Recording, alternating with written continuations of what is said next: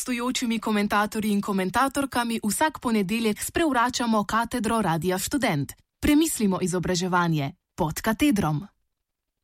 Še ena novela zakona o visokem šolstvu.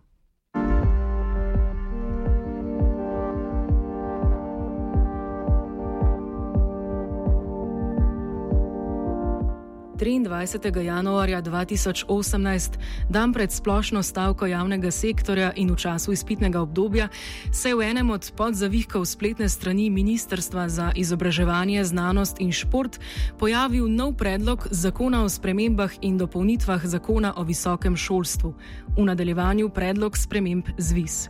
Prav ste slišali. Čeprav od sprejetja najnovejše spremembe zakona ZVIS L nista minila še niti dva meseca, je na mizi že nov predlog novele. Ta bo, če bo sprejet, ob kratici nosil še 13. črko. S takim tempom bo ministrstvu pred sprejetjem že dolgo pričakovane celostne prenove zakona zmanjkalo črk abecede.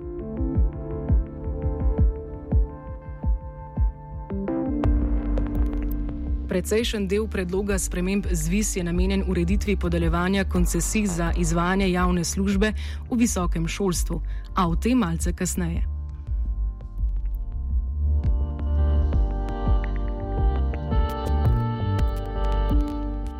Tisti, ki ste v preteklih letih podrobneje spremljali spreminjanje slovenske visokošolske zakonodaje, ste najbrž ob opomembi besedne zveze javna služba že zastrigli z ušesi. Prvi člen obstoječega ZVIS namreč sovereno napove, da zakon opredeljuje javno službo v visokem šolstvu in ureja način njenega financiranja. Pa je ne, kot je že daljnega leta 2011 v odločbi ugotovilo ustavno sodišče, ki je takratni vladi za odpravo neustavnosti dalo devet mesecev časa. No, po sedmih letih in sedmo ministrico smo z novim predlogom zakonski opredelitvi javne službe bližje kot kdajkoli doslej.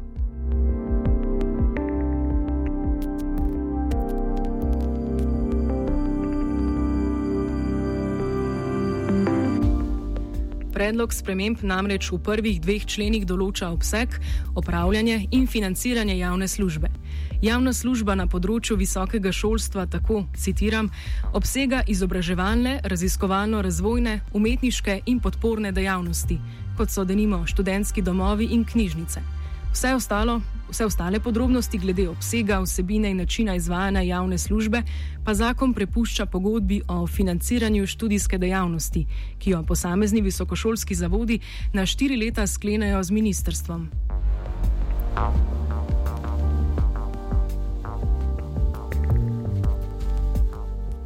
Zdaj poznamo obseg javne službe. Kdo pa sme javno službo izvajati? Citat. Javno službo upravljajo javni visokošolski zavodi, s čimer uresničujejo svoje temeljno poslanstvo, in zasebni visokošolski zavodi za koncesionirane študijske programe. V grobem lahko rečemo, da javna služba obsega univerze, fakultete, raziskovalne inštitute, akademije, knjižnice, študentske domove in vse tiste dejavnosti, ki skrbijo, da študijski proces nemoteno teče, pa ne gre za javne visokošolske zavode ali zasebnike.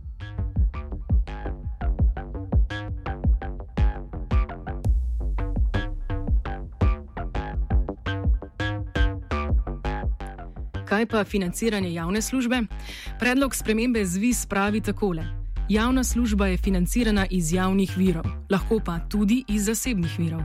Se v tem odstavku skriva tudi odgovor na tako pereče vprašanje izrednega študija. Pobudnica zdaj nam že znane ustavne presoje ZVIS je namreč Univerza v Ljubljani, ki je že leta 2008 ob uložitvi vloge trdila, da je izredni študij tržna dejavnost in ne javna služba. Če je javna služba po novem predlogu lahko financirana tudi iz zasebnih virov, torej v primeru izrednega študija iz žepov študentov in študentk, potem izredni študij nikakor ne more biti tržna dejavnost, mar ne? Sodeč po četrtem odstavku istega člena lahko javni visokošolski zavod izvaja študijske programe kot tržno dejavnost samo za tuje državljane. Torej je stvar jasna.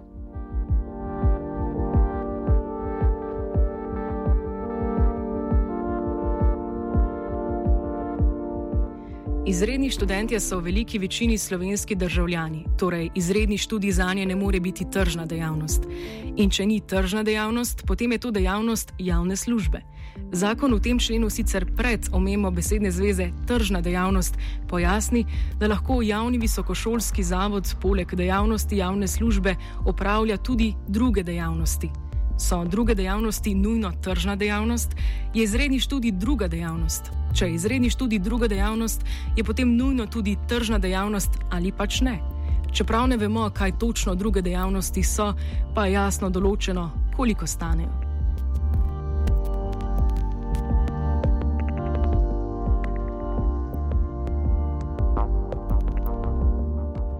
Saj veste, vsaka stvar ima svojo ceno. Cena drugih dejavnosti pa mora biti, citiram, na trgu oblikovana tako, da mora zagotoviti najmanj pokrivanje vseh neposrednih, posrednih in sorazmerni del skupnih stroškov, vezanih na zagotavljanje tržne storitve. Cena mora vključevati tudi stroške uporabe osnovnih sredstev. Potrebno je razmejevanje stroškov in prihodkov izvajanja javne službe in druge dejavnosti. V praksi to pomeni, da mora biti šolnina, ki jo bodo plačevali tuji študentje, dovolj visoka, da pokriva vse stroške študija, od plač visokošolskih učiteljev do kurjave in uporabe predavalnic. Vse to pa mora biti jasno ločeno od stroškov, ki jih imajo visokošolski zavodi s klasičnimi študenti. To bi v praksi verjetno pomenilo zvišanje šolnin za tuje študente, seveda pa tudi zvišanje šolnin za izredni študij če ga zakon tretira kot druge dejavnosti. Če javni zavod z drugimi dejavnostmi ustvarja minus, z drugimi besedami, če postavlja prenisko višino šolnine, tega primankljaja ne sme pokriti iz sredstev javne službe. Upravni odbor zavoda pa mora državi podati predlog za poravnavo primankljaja, recimo več trženja, da se minus pokrije.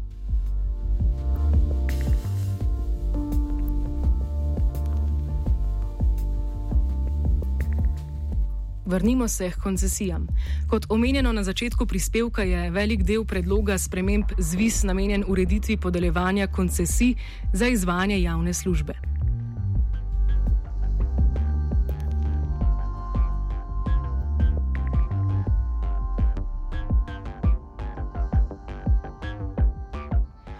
Drugimi besedami, definiranju pogojev, ki jih mora visokošolski zavod izpolnjevati, da dobi denar iz proračuna. Obstoječi zvis podeljevanje koncesij za odpravljanje javne službe ureja z enim členom, novi predlog pa s kar 19.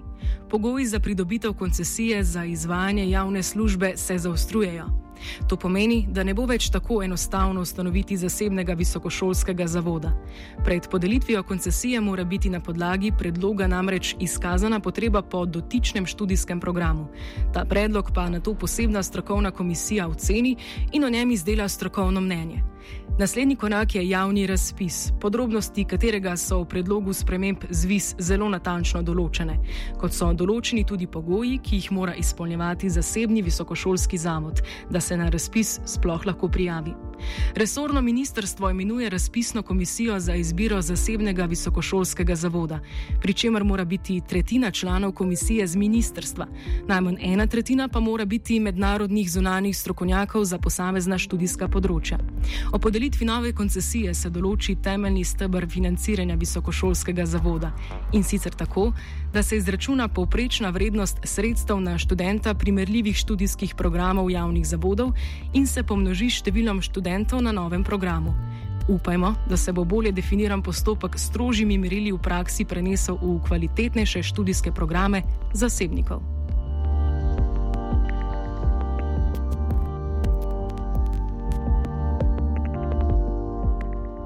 Predlog sprememb zvis posega tudi v nekatere že obstoječe člene.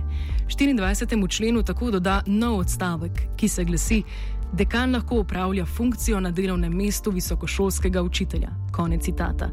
Gre za varovalko, da bodo dekani še naprej lahko upravljali tudi pedagoško in raziskovalno dejavnost in ne bodo le direktori, kot to že nekaj časa predlaga računsko sodišče.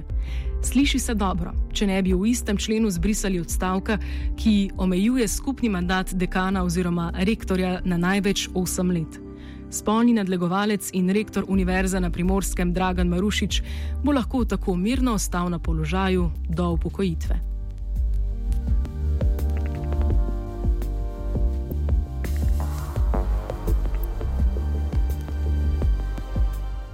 Tudi na področju omejitev upisa prihaja do sprememb, saj predlog spremembe zvis po novem omogoča, da se pri izbiri kandidata za upis lahko upošteva tudi preizkus posebne nadarjenosti oziroma psihofizične sposobnosti.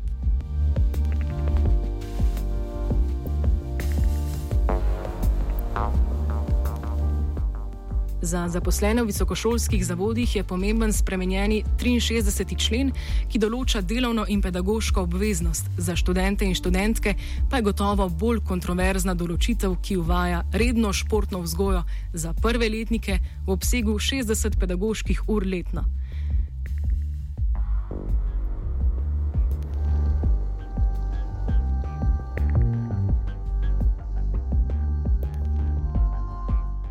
Novi predlog sprememb zakona o visokem šolstvu tako prinaša bolj jasno definicijo obsega in financiranja javne službe ter strože pogoje za pridobitev koncesij. Visokošolski učitelji bodo še naprej lahko dekani, ponovno brez omejitve trajanja mandata. Delovna in pedagoška obveznost zaposlenih sta ponovno bolje definirani, bodoče brudce in brudske pa čaka obvezna športna vzgoja.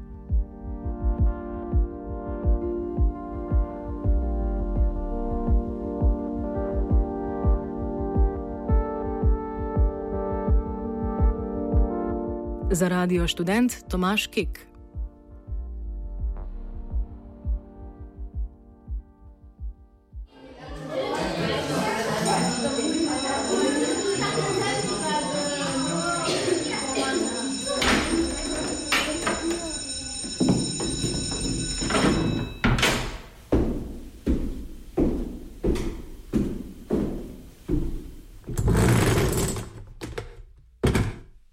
Gostujočimi komentatorji in komentatorkami vsak ponedeljek sprevračamo katedro Radia Student. Premislimo izobraževanje pod katedrom.